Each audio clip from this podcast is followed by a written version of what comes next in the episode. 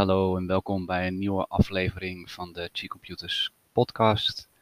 Ik ben Carlo Konijn en vandaag gaan we het uh, kort hebben over het inrichten van Microsoft 365. Ik krijg nogal eens vragen van uh, klanten van ja, waarom zit er zoveel verschil in het inrichten van Microsoft 365 per uh, bedrijf of organisatie. Je ziet bij uh, andere bedrijven ook heel veel prijsverschillen. De een biedt het aan het inrichten voor uh, nou ja, 35 euro bijvoorbeeld. En andere dat gaat over de 100 euro heen. Dus dit leek me ook een mooi moment om dat uh, toe te lichten. Um, voornamelijk als je begint met Microsoft 365, dus als jij nu eigenlijk zo'n licentie aanschaft, dan krijg je dus die online omgeving van Microsoft. En die is nog steeds dan helemaal kaal. Dus een voordeel en nadeel uh, van Microsoft. Ze geven je eigenlijk de tools om uh, te gaan doen wat jij uh, graag wilt. Nadeel is alleen van ja, alles staat in eerste instantie open. En je moet wel wat technische kennis hebben om weten van hé, hey, wat moet ik nu eigenlijk doen. Als je met Microsoft 365 begint, dan de eerste keer dat je start, dan ga je wel door een hele setup heen. Dan ehm, krijg je ook aanbevelingen wat je allemaal hoort te doen voor je bedrijf om uh, te beveiligen en het inrichten daarvan. Maar dit is heel standaard. Dit is echt een, een methode die gemaakt is van oké, waarschijnlijk uh, zeg 6 à 7 van de 10 mensen zullen dit inderdaad doen. Alleen de rest dat is dan, past dan weer net niet helemaal. Daarom is het altijd handig om met een Microsoft partner om tafel te zitten en even na te gaan. Hey, dit is mijn idee voor mijn bedrijf. Ik heb het idee dat ik dit met Microsoft 365 kan doen. Klopt dat? Wat hoort er dan allemaal bij en uh, wat zijn de mogelijkheden? Dus ik ga even een aantal puntjes benoemen wat uh, belangrijk is om op te letten. En ik zal een aantal voorbeelden geven van uh, wat ik doe met inrichten en hoe dat natuurlijk een beetje uh, anders gaat. Um, in eerste instantie, als je begint met Microsoft 365, dan ga je gebruikers aanmaken uh, of mailboxen. Dus kijk, als je een zelfstandige bent, dan jij als persoon hebt natuurlijk een gebruiker in dat account. Dus voor mij zelf is dat natuurlijk Carla Konijn die bestaat in mijn omgeving. Maar ik heb ook verschillende e-mailboxen, zoals een infoadres. Een stukje voor ondersteuning. Een collega van mij heeft uh, bijvoorbeeld een uh, account. En die gebruikers moet je dus allemaal aanmaken. Net zoals die mailboxen. En daar horen licenties bij. Dus ik als gebruiker wil bepaalde zaken in Microsoft 365 gebruiken. Nou, in de meeste gevallen is dat natuurlijk gewoon e-mail, je cloudopslag. En in mijn geval ga ik Microsoft Teams gebruiken. Wij hebben ook een gedeelde bibliotheek in Microsoft Teams waar ik in kan, waar mijn collega in kan. Maar er is ook een omgeving voor mijn boekhoudster die dus in de administratiegedeelte kan in de gedeelde map van Microsoft Teams.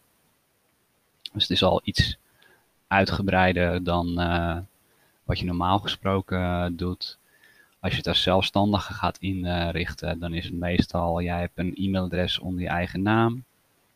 Je hebt bijvoorbeeld een mailbox, uh, een infoadres. En je gaat een cloudopslag uh, bijvoorbeeld via Microsoft OneDrive gebruiken. Dat is eigenlijk vrijwel standaard.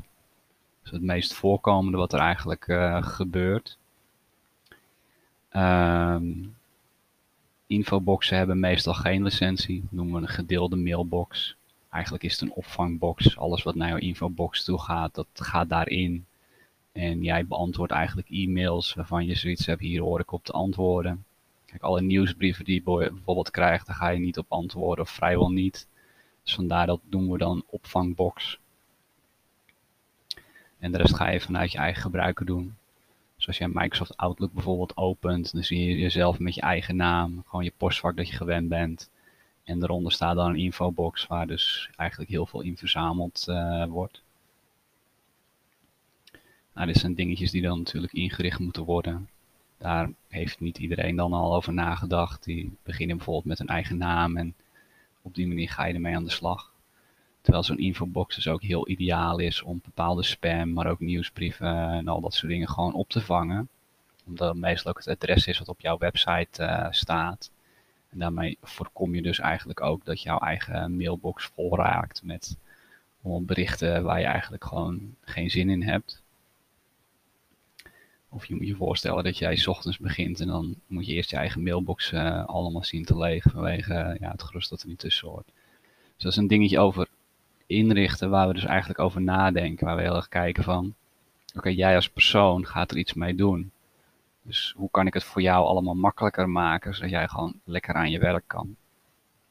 Maar dit is ook een voorbeeld van uh, inrichten en hoe ik kijk naar jou als persoon om dat te doen.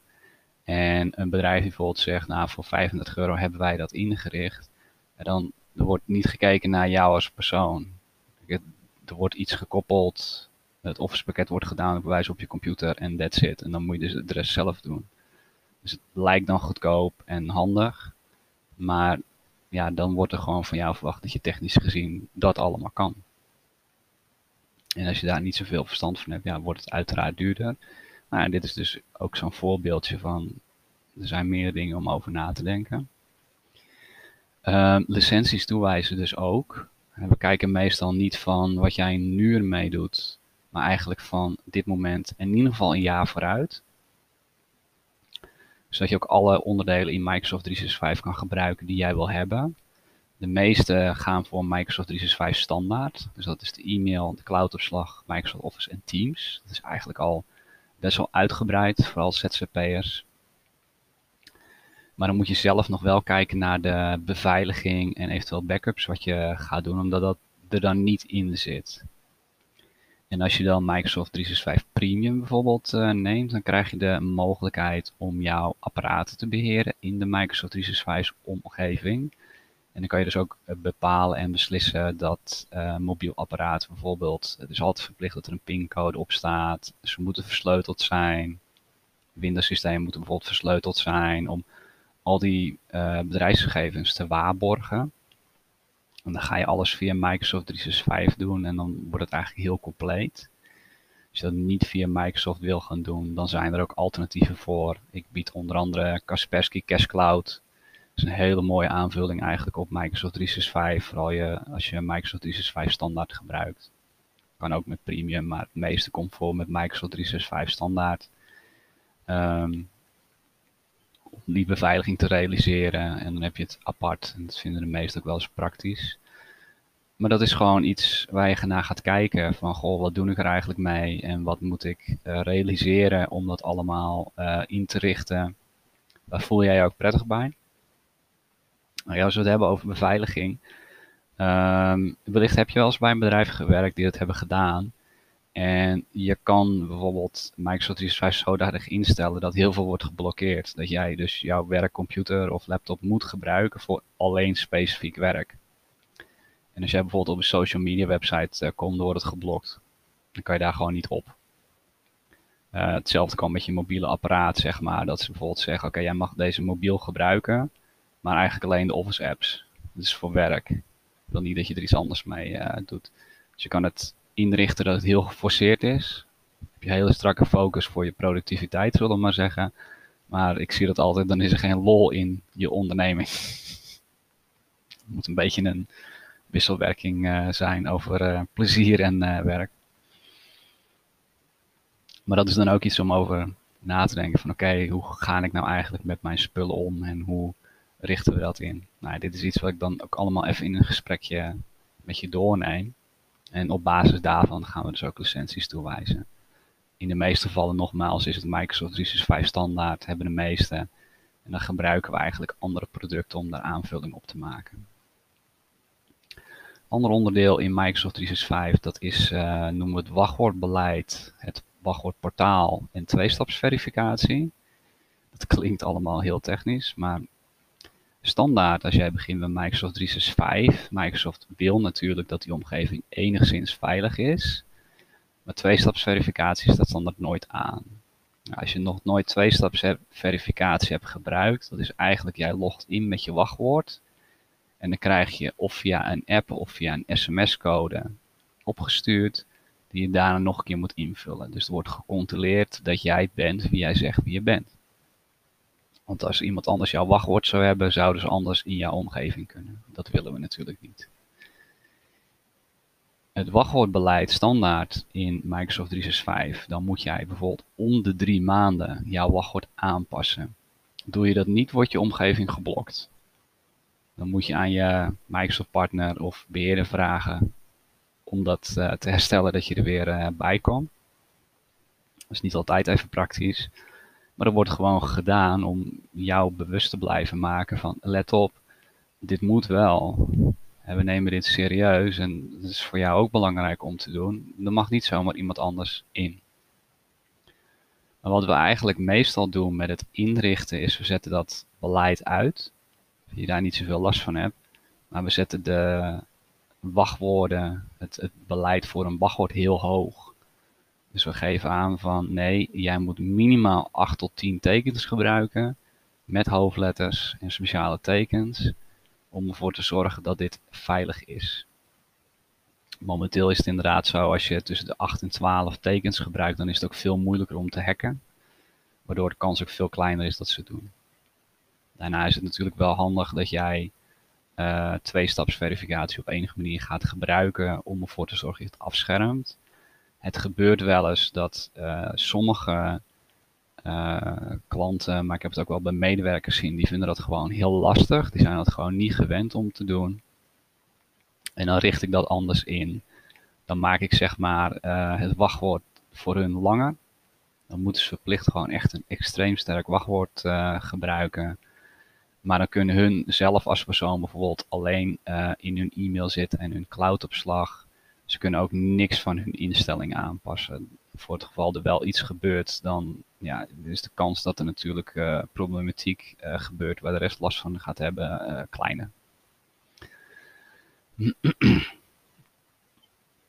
dus vandaar dat we daar dus rekening mee houden en opletten. En dit is ook weer een onderdeel van ja, inrichten kan duurder zijn, maar allemaal van dit soort onderdelen. Um, ander dingetje, dat is het koppelen van je domein. Klinkt ook weer heel technisch. Maar uh, jij hebt een e-mailadres. Dat is, uh, nou ja, bijvoorbeeld bij mij info.computers. Als je begint met Microsoft 365, dan weet Microsoft niet dat ik G-computers ben. Dus ik moet aantonen dat ik dat ben. Ik moet inderdaad aantonen dat ik dat domein heb, dat ik de gerechtvaardigde de eigenaar ben. En daarna kan ik dat koppelen. Dus standaard krijgen wij uh, gcomputers.onmicrosoft adres dat is natuurlijk niet iets waar we mee willen gaan e-mailen naar onze klanten toe, want het komt niet helemaal professioneel over en het is vrij lastig te onthouden dan. Um, dus een van de stappen is dat jij je domein gaat verifiëren en daar aanhangt. Maar, een hele belangrijke maar. Als jij hiervoor al e-mail hebt gebruikt, op het moment dat jij je domein koppelt aan Microsoft 365, werkt je oude e-mail niet meer. En als daar nog steeds jouw e-mail in staat, die nog niet in Microsoft 365 staat, bestaat er kans dat je hem daarna ook kwijt bent of niet meer kan overzetten. Dus wat wij altijd als eerste doen, als je al e-mail hebt, we gaan eerst jouw oude e-mail overzetten naar Microsoft 365. Nou, dit is ook een heel mooi technisch ding, wat je bij wijze van zelf kan doen. Dus je weet hoe het moet, zeg maar. Maar ook weer een voorbeeld. Dit is gewoon technisch. En als je daar niet zoveel verstand van hebt, is het ook handiger om dat gewoon uit te besteden. is ook gewoon weer een dingetje van, ja, hoe wordt de prijs bepaald met inrichten. En het overzetten van e-mail en data wordt meestal bepaald op, ja, hoeveel gig is het? Hoeveel tijd kost het mij om dat te doen? In Microsoft 365 zijn twee tooltjes om het te doen. Nogmaals, doe dit alsjeblieft niet als je er geen technische ervaring mee uh, hebt. Als het fout gaat, ontstaan er meer problemen. Er zit een functie in Microsoft 365 waarmee je e-mail kan overzetten. Dat gaat via IMAP. Eigenlijk wat ze doen is ze koppelen Microsoft 365 tijdelijk aan jouw e-mailbox. En dan halen ze alle e-mails uh, daaruit en die zetten ze over. We kunnen alleen de agenda en contactpersonen niet overzetten. Dat moet je dan handmatig doen. Voor je data is er nu in Microsoft 365 een app dat heet Mover. Mover, als jij uh, al een cloud-opslag hebt gebruikt, bijvoorbeeld via Dropbox, en je gaat over naar Microsoft 365, Dan kan je die app autoriseren op Dropbox en Microsoft. Dat doe je één keer. Als je klaar bent, dan kan je hem weer deactiveren. En dan kopieert hij alle bestanden eigenlijk direct over van de een naar de ander. Klinkt heel simpel, maar er zijn gewoon een aantal stappen om dat te doen. Als je het op internet ook opzoekt, dan is het echt wel te doen. Maar nogmaals, doe het niet als je geen, uh, niet zoveel technische ervaringen van hebt. Zonder als het fout gaat. Um, ander onderdeeltje, dat is bijvoorbeeld Microsoft Teams. Microsoft Teams, dat is natuurlijk razend populair geworden de laatste tijd. Voor het online vergaderen. Maar in uh, Teams kan je ook bestanden met elkaar delen. En als ZZP'er zal je dat waarschijnlijk niet altijd even doen. Maar het gebeurt wel. Ik heb ook klanten die hebben bijvoorbeeld virtuele assistenten. Die dus uh, voor hun uh, afspraken inplannen. Maar ook in bestaande bestanden dus zitten om in samenwerken. Dat kan via OneDrive. En het kan via Microsoft Teams. In de meeste gevallen doen we het via Microsoft Teams. Vooral als het bestandendeel veel meer wordt. En dan kan je dus iemand anders eigenlijk uh, uitnodigen in jouw uh, omgeving. Werkt eigenlijk op zich uh, heel makkelijk. Maar dat is ook weer een momentje om even na te denken van hey, wat wil ik nou eigenlijk met mijn bedrijf? Hoe moeten die erom?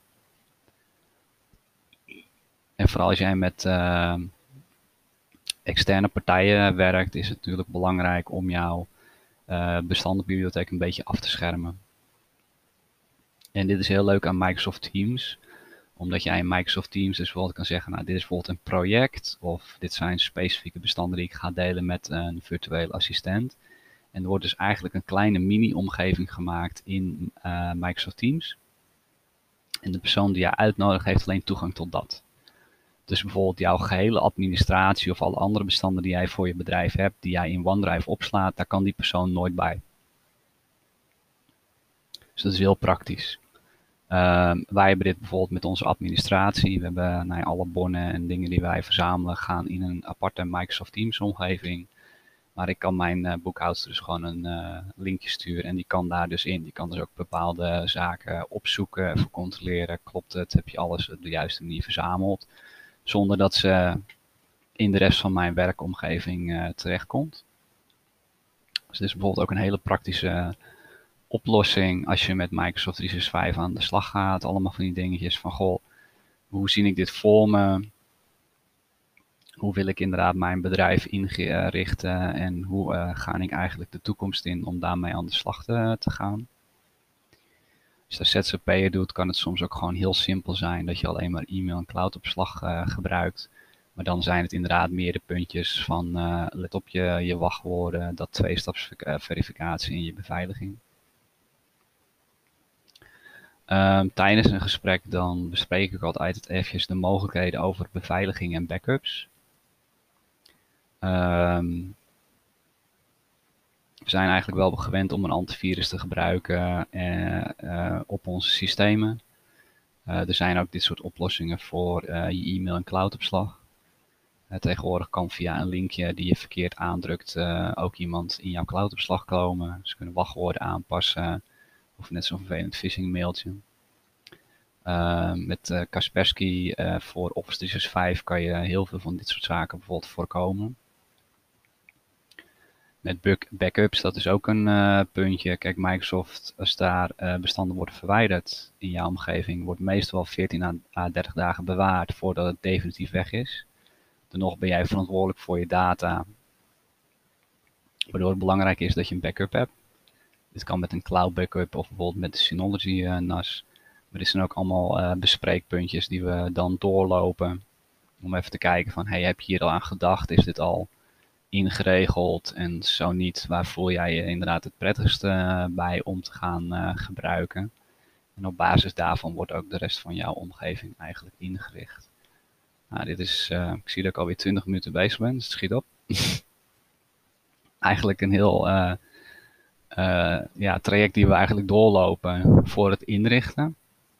Dus ik hoop dat alles een beetje duidelijk is uh, geweest en dat je wat meer een beeld hebt over wat we nou eigenlijk doen als we dit gaan uh, inrichten.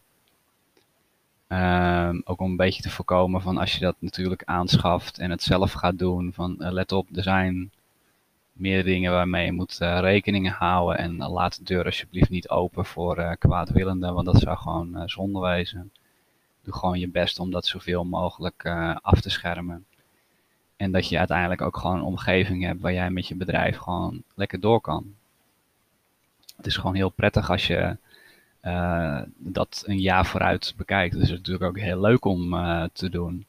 Om voor jezelf eens gewoon op papier te zetten van, goh, ik ga computers, notebooks, misschien tablets gebruiken eh, voor mijn bedrijf.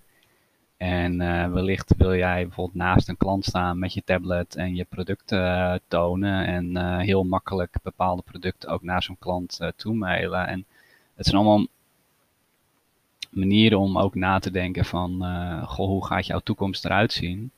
En hoe meer je dat doet, des te meer vorm er ook gewoon komt voor jouw bedrijf om op die manier lekker door te stromen. En dat maakt het ook super leuk. Maar met alle technische eh, dingen, dat zie ik ook altijd als mijn auto. Van, ik heb van bepaalde zaken echt wel verstand van hoe mijn auto rijdt en uh, hoe ik dingetjes moet vervangen.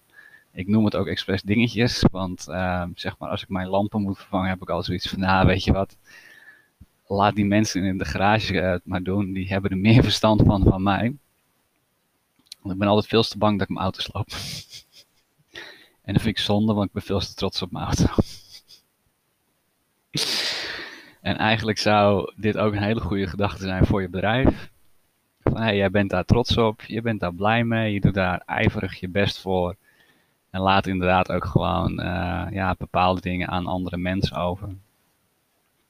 En zo'n adviesgesprek kan daar natuurlijk heel erg mee helpen. Het is natuurlijk niet verplicht dat je dan specifiek voor mij kiest, maar wellicht dat je daar ook wat meer informatie uh, krijgt en gaat nadenken over van oké, dit is handig, hoe wil ik dat nou en hoe zit dat in elkaar. Ik vind het altijd super leuk om uh, klanten te zien die ook gewoon heel creatief gaan nadenken en denken van oké, dit is dus mijn bedrijf, hoe ziet het er dan uit, wat gebruik ik dan en joh, pak een groot whiteboard en teken het bewijs van voor jezelf uit om dat uh, te doen. Dat is uh, super leuk. Dus bij deze ga ik deze afsluiten hoop dat jullie hebben genoten en eh, ja, tot de volgende keer. Ehm, je kan natuurlijk gewoon een mailtje sturen naar info.gcomputers.nl. Mocht je nog vragen hierover hebben, dan hoor ik het graag. Ehm, de podcast zal ook gewoon weer op mijn social media staan. Dus je kan ook daaronder even een reactie geven en dan hoor ik het graag. Fijne dag.